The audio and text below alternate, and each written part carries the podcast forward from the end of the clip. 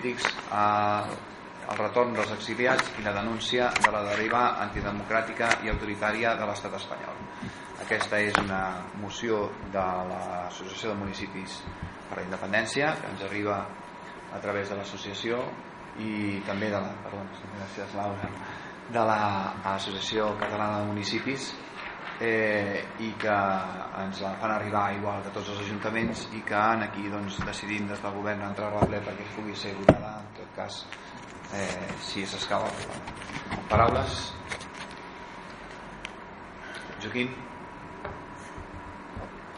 Eh, entenem que, que és una moció tipus format i que per tant és igual a tot arreu eh, sí que és una llàstima.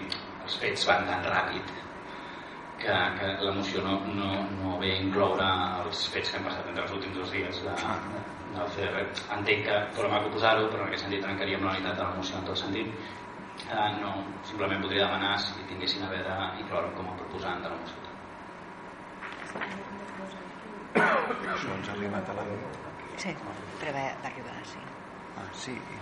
És que no, no posa la proposa aquí.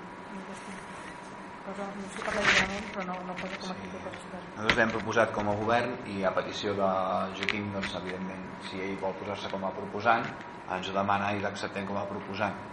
Ah. Jordi? Sí, gràcies. Des de Convergència també demanaríem que se'ns inclogués com a proposants.